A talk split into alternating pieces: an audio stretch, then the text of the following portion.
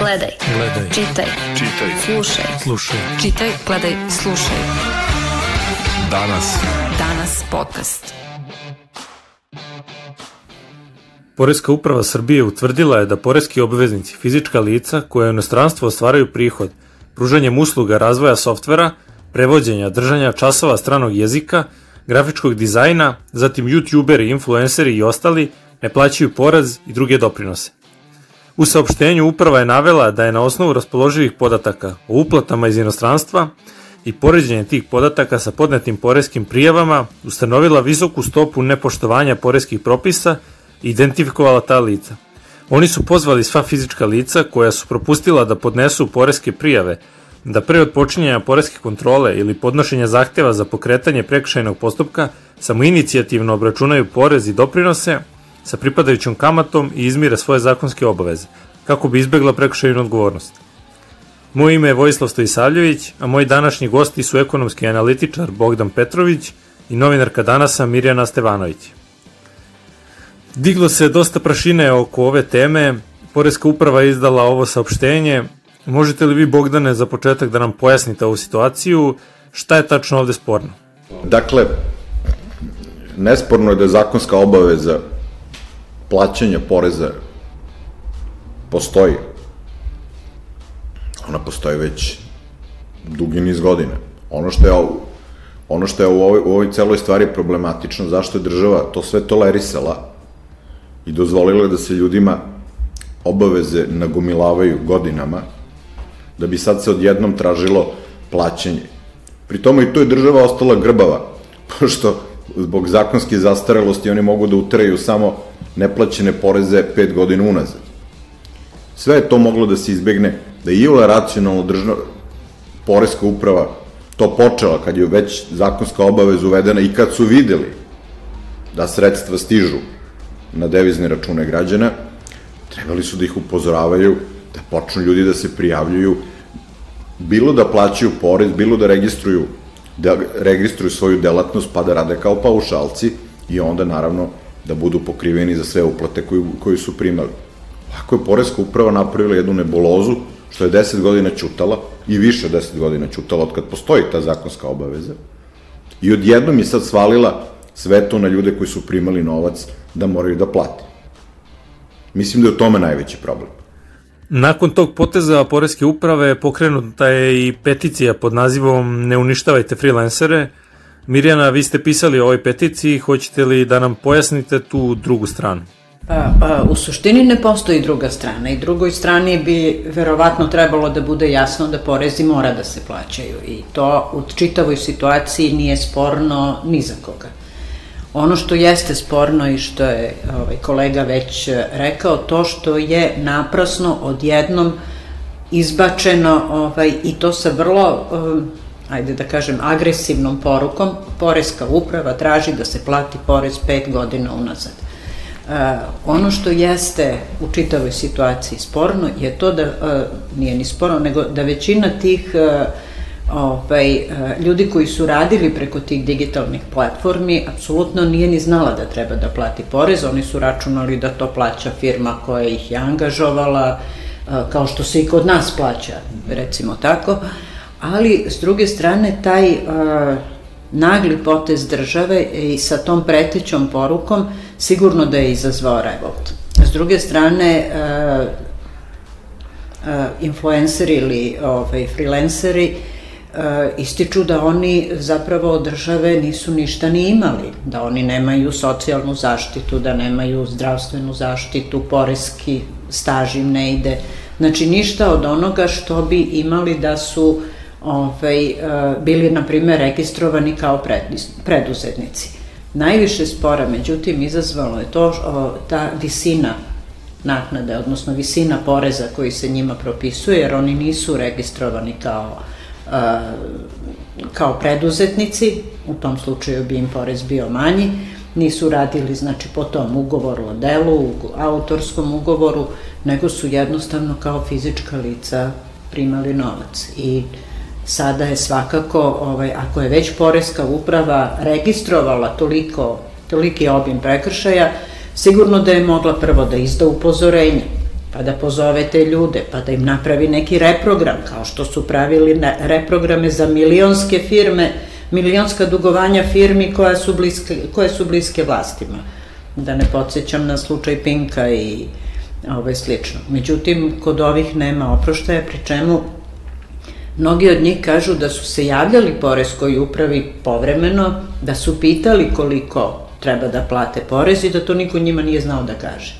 I tačno je, prvo uputstvo za ovaj, obračun tog poreza izašlo je dva dana nakon što je pušteno to preteće. A ako gledamo to čisto sa te zakonske strane, da li je država tu uradila nešto sporno, odnosno da li su oni imali prava na, na ovaj potez? A, u suštini, a, država, u suštini svi treba da se držimo zakona ako je on donet.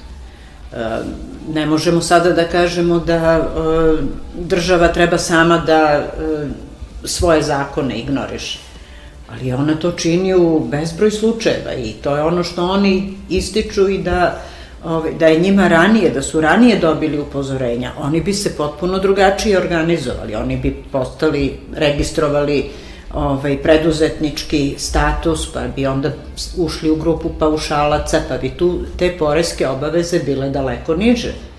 Ovako njima se sad odjedan put ovaj, stavilo na teret pet godina rada za koje bukvalno od jedan put imaju toliki dug da ja ne verujem da će bilo ko moći od njih to da izmiri.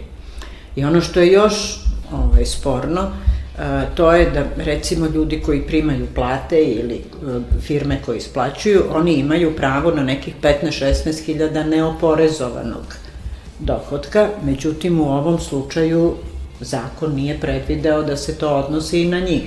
A činjenica je e, da se tu ne radi o nekoj velikoj ekonomiji, ima možda dosta ljudi koji to rade, ali to su sitni iznosi, to je 200, 300 evra, 500 evra godišnje, to se već smatra, godišnje mesečno, to se već smatra onako pristojnom zaradom, ali većina njih zarađuje zapravo manje. I sada vidno taj minimalnu, na tu minimalnu i nisku zaradu dodate negde 50-60% opterećenja i povučete to unazad za 5 godina, stvarno, stvarno nije realno očekivati da će to moći da se, da se plati. Sada ćemo da čujemo šta su naši čitaoci rekli na ovu temu u komentarima. Slušaj. Danas podcast. Kao diplomirani pravnik naučena sam da je poštovanje propisa nešto što se bez dileme mora prihvatiti. Kao osoba bespravljena i degradirana od strane aktualne vlasti, svakom savetujem da te god može izbegne plaćanje ovoj državi. Da li to fali mnogo novca u budžetu pa se država doseća gde sve može da očerupa neke pare? Zlatno doba. Ako sada od to malo što zarade pola daju državi, imaćete još lep procenat siromašnih.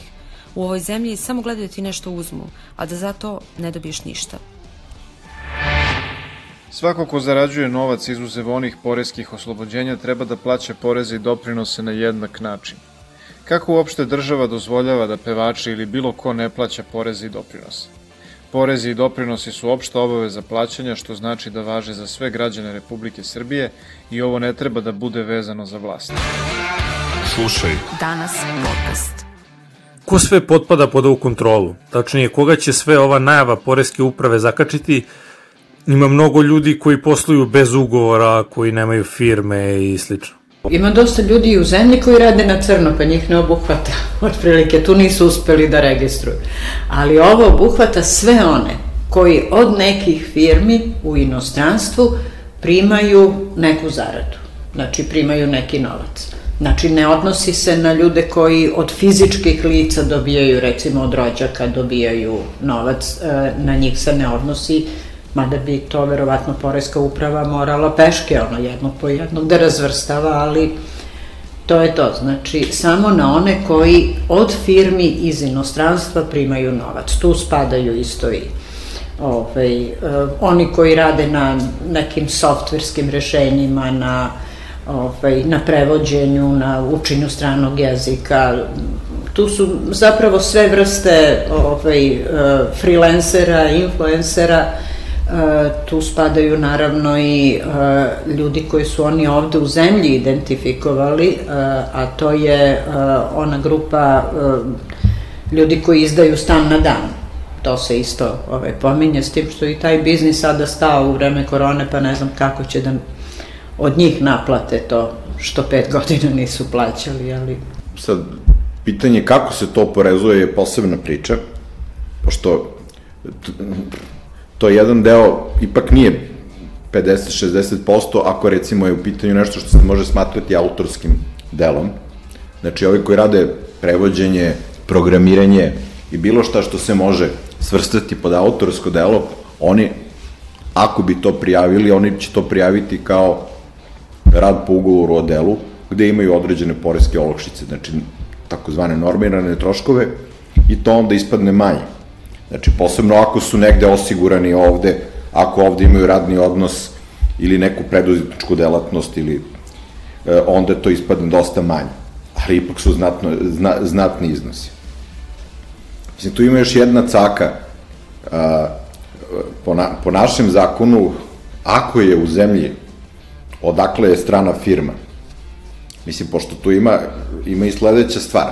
Znači, vama kad uplaćuje strana firma, ona isto mora da obračuna negde i da plati u nekoj državi neki porez, pošto u bankarskom sistemu se vidi kada, upravi, kada uplata ide na fizička lica.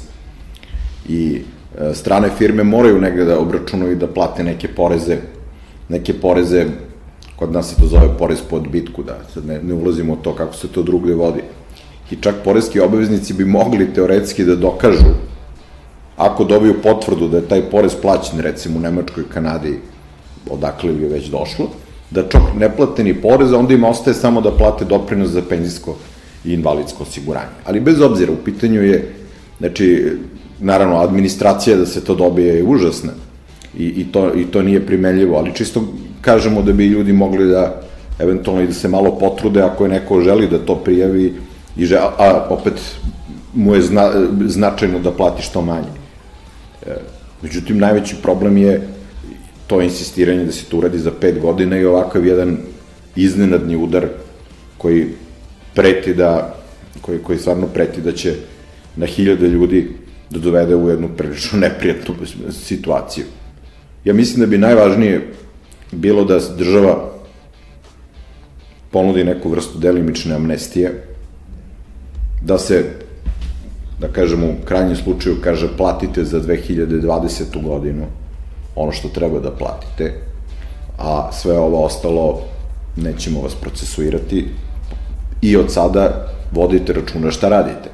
Imate mogućnost da se registrujete kao preduzetnici, ko ne može da se registruje kao preduzetnik ili ne želi uh, iz nekog razloga koji, koji, su, koji mogu biti vrlo ograničeni, onda on treba da ovo da plaća i šta da se radi, jel?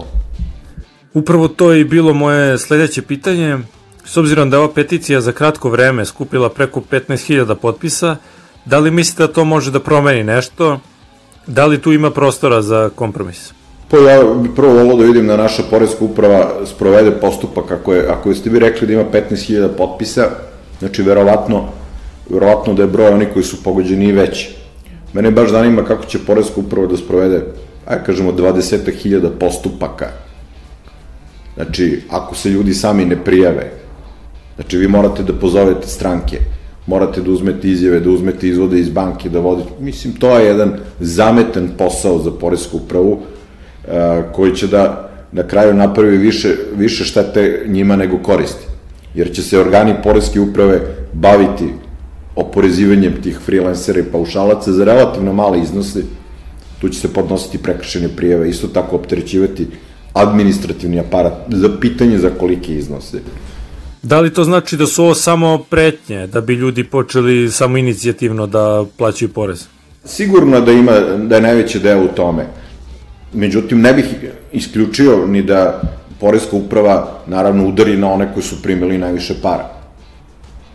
I ja ne verujem da će oni juriti neko ko je primio 1000 evra godišnje zato što je prevodio i dobio nešto za neko prevođenje 1000 evra na devizni račun iz inostranstva.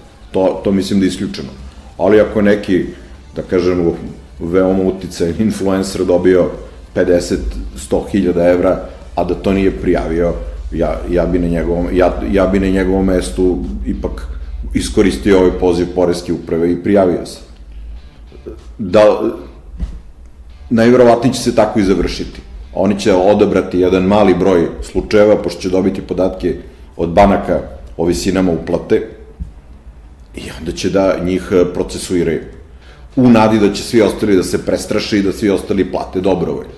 Znači, potpuno je za mene nezamislivo da oni sprovedu 15-20 hiljada poreskih, poreskih postupaka e, za 5 godina ulaz.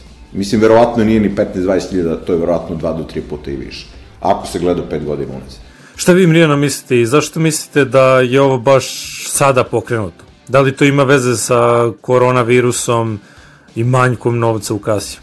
Upravo to, para nema i država je rešila na svaki način da ovaj, napuni državnu kasu, e, međutim uzimati baš e, iz tog sloja stanovništva koji se prvo teško snašao za posao, dodatni pa sve ne znam koliko je, koliko je u redu. A s druge strane, ovaj, ako je htela da zastraši ovu grupaciju, ona je to uh, verovatno i dobro uspela, jer ja znam kad sam radila tekst, koga god sam od njih pozvala, niko nije hteo imenom i prezimenom da da izjavu za novine bilo kako, ovaj, plašeći se da ne skrene pažnju Poreske uprave na to.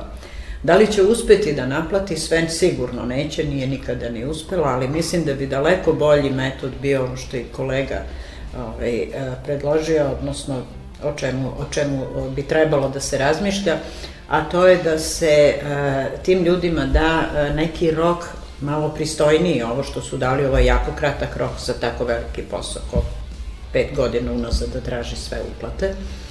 Ove, ali e, da li bi neki pristojniji rok e, da se prijave kao ove, lica koja su podložna porezu, pa da onda uz pomoć ovaj, nekog poreskog savjetnika, da li privatno, da li ovaj, iz poreske uprave, vide kolika im je poreska obaveza, pa da se nakon toga dogovore sa poreskom upravom da se jedan deo možda reprogramira ili da se jedan deo otpiše, a da se u buduće plaća. To bi bio neki normalan put kada je već Poreska uprava dozvolila toliki niz godina da se te obaveze ignorišu.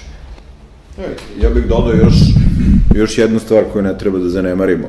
Ova država toleriše, ne već pet godina, ona već toleriše već na desetine godina apsolutno neplaćanje obaveza advokata i taksista. Jer vi kad vidite u kategoriji preduzetnika, ko ne plaća ništa,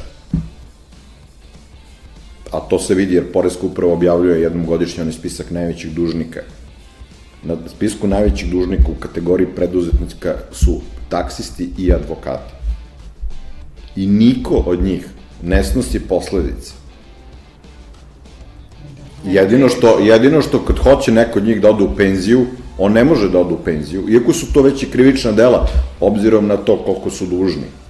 Da kažemo, znači, imate tu kategoriju, tu čak ima i poznatih imena advokata, mislim, nećemo da spomenjamo sada ko su, ali vrlo poznatih, koji su dužni po 3, 4, 5 miliona dinara. Što znači da, da, da ne plaćaju 10-20 godina doprinose, koji su inače relativno mali. Pri tome ne postoji mehanizam, recimo, advokatska komora ih neće brisati iz komore ako ne plaćaju doprinose, či oni mogu do kraja života da budu advokati, ako ne žele državnu penziju, oni mogu da rade do smrti i da ne plate dinara do državi. Nažalost je takva situacija.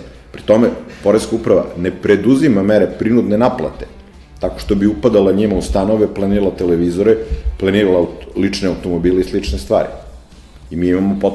I sad, da ne govorimo o taksistima koji nastavljaju da obavljaju delatnost, da, da, im se, da im se apsolutno ništa a oni imaju automobil, na kraju Poreska uprava vrlo lako može da se naplati od taksista, imaju automobile. Znači, ako krenu na to, mogu vrlo lako da urade, ako hoće.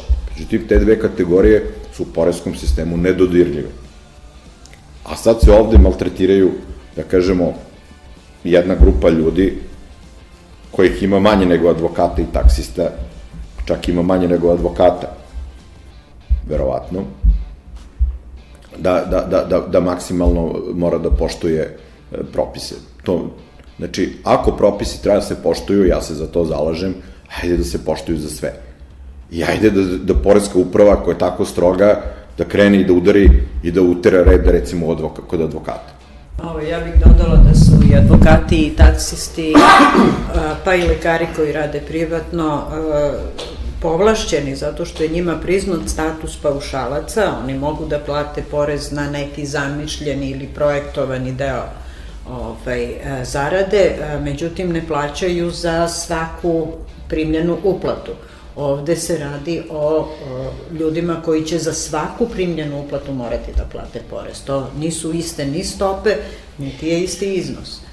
A lekarima i advokatima i taksistima se priznaje status paušalaca koji je povoljniji, poreski povoljniji i ovaj, mada recimo u, u većini zemalja sveta oni imaju normalnu poresku obavezu, nemaju taj paušalni status. Zar ne bi država trebalo da podstiče ljude koji unose strani kapital u Srbiju i troše ga ovde slivajući taj novac direktno u državnu kasu? Pa ne, država, da vam kažem, država to treba podstiče. S druge strane, ti ljudi treba da plaćaju neke poreze ovde, jer oni žive ovde, pazite, svi koriste usluge sistema zdravstvene zaštite. Oni koji nisu osigurani drugi način, najverovatnije preko biroa ostvaraju pravo na zdravstvenu zaštitu. Znači, e, država treba da ih podstiče, ali tako što će ih edukovati kako, to, kako da uđu u sistem. Znači, najskuplje, ja razumem da neko ko primi 500 evra godišnje je besmisleno se registruje kao preduzetnik, tu, tu nema nikakve svrhe. Ali neko ko, ako se već radi od par hiljada evra godišnje, to ima smisla da se deo godine makar, pošto preduzetnik može da radi mesec dana, pa ne mora da radi 10 meseci, pa može da radi opet mesec dana. Znači, treba da se edukuju poreski, da kažemo, građani, kako da u stvari, poštujući propise ove zemlje, plate nekakav porez, propisan, naravno, u skladu sa zakonom, ne nekakav, a istovremeno da za to imaju neke koristi i da to bude sve potpuno legalno. Ja mislim, obaveze za paušalnu delatnost nisu velike, posebno jer ovde se radi o povremenim prihodima. Znači, mali broj ljudi ima svako, da kažemo, prihode svakog meseca po tom osnovu. Znači, neko ako prevodi, dobije jedan, dobije možda jedan, dva honorara godišnje. Znači, on može da u tom mesecu, kada dobije uplatu, ima registrovanu delatnost, posle da je zatvori. Tako da ne bi imao veliku obavezu plaćanja doprinosa i tako dalje. Znači, država, po meni, jednak, da kažemo, e, prava država i prava poreska uprava treba da edukuje obveznike šta da rade, a ne na ovaj način da preti i uteruje pet godina unazad. Znači, oni treba da ih sve edukuju sada, da se iskoristi ovaj trenutak, koji se dosta nesretno je to počelo, da se ljudi, da se ljudima objasni koje su mogućnosti, pa, ko želi, znači, bez obzira što se prihod ostvaruje napolju, oni, oni ga ostvaraju radom ovde, To što je isplatilac nema rezide, znači nije registrovan u Srbiji, e, a koristi srpskog građanina koji radi ovde, ne znači da ne treba da se plate nekakvi porezi. I ja mislim da će čak, ja mislim da čak, pošto strani isplatioci plaćaju, taj, plaćaju verovatno taj porez po odbitku, sve zavisno naravno od porezkih propisa države u kojima, kojima, kojima se to radi, ja mislim da će čak i tim našim freelancerima biti bolje da imaju registrovane preduzetničke delatnosti, jer onda isplatioci iz inostranstva ne plaća nikakav porez. Znači, onda njima se isplaćuje puno iznos, a ovako oni verovatno dobijaju umanjen iznos zato što strani isplatilac mora da obračuna porez bitku koji ostaje u inostranstvu. Znači, našoj državi je daleko bolje da edukuje tu, da kažemo, taj sloj ljudi i naravno da preti. Ko neće da se edukuje i neće da se registruje ovde kao preduzetnik, a želi da prima keš, e pa to nije keš. To je prihod koji ti onda moraš da obračunavaš nekakve poreze, da angažaš nekog knjigovođu ako ne umeš sam to da urediš i da plaćaš. I tako bi trebalo da bude. A ne da se jure unazad pet godina. A da to treba na te prihode nešto da se plati treba. I ja mislim da je bolje i za državu, a i na kraju za te ljude, da primaju preko preduzetničke delatnosti. Jer kažem, najverovatnije će taj iznos koji dobijaju biti veći, jer onda isplatilac ne mora da obračunava poreze na to isplate fizičkom licu. A, a pitali ste da li ima veze sa koronom? Pa problem je što većina a, tih freelancera i doživljava ovu pretnju Poreske uprave kao potez kojim država hoće da utera pare u, u budžet jer se istrošila raznoraznim davanjima, uključujući i onih 100 evra po osobi neselektivno i, i kapom i šakom i da sad hoće od svih od kojih može da utera novac u budžet, a da pritom udar pod udar najviše spadaju oni koji su uh, najslabije uh, opremljeni odbrambenim mehanizmima, koji ne mogu da se brane, jer vi kad vama Poreska uprava jurne na pojedinca i na pojedinca koji uh, prima male pare i sve on bukvalno nema, nema načina da se zaštiti. Pritom ta pretnja ovaj, prekršajnom, krivičnom prijavom, zatvorima, mislim, to je stvarno, stvarno neprimereno ovaj, moglo je, moglo je mnogo, mnogo jednostavnije da se uradi sa manje tenzija, pogotovo u ovo vreme kada smo svi pod nekim stresom i, i što zbog epidemije, što zbog uh, ovaj, posla, što neizvesnosti oko, oko svega toga i onda sad na sve to dođe Poreska uprava koja preti da će da pozatvara sve koji nisu. Mislim, to je, to je stvarno neprimeren je potez. Neprimeren sigurno. Za kraj da vas pitam, da li možemo da očekujemo neke olakšice, mogućnost da se otplati na rate to što, što se duguje i kakve će biti sankcije za ljude koji ne uspeju da, da izmire svoje obaveze? Pa na rate uvek može. Da kažem, postoji uredba koja definiše mogućnost otplate poreskog duga na rate u zavisnosti od visine duga. Znači,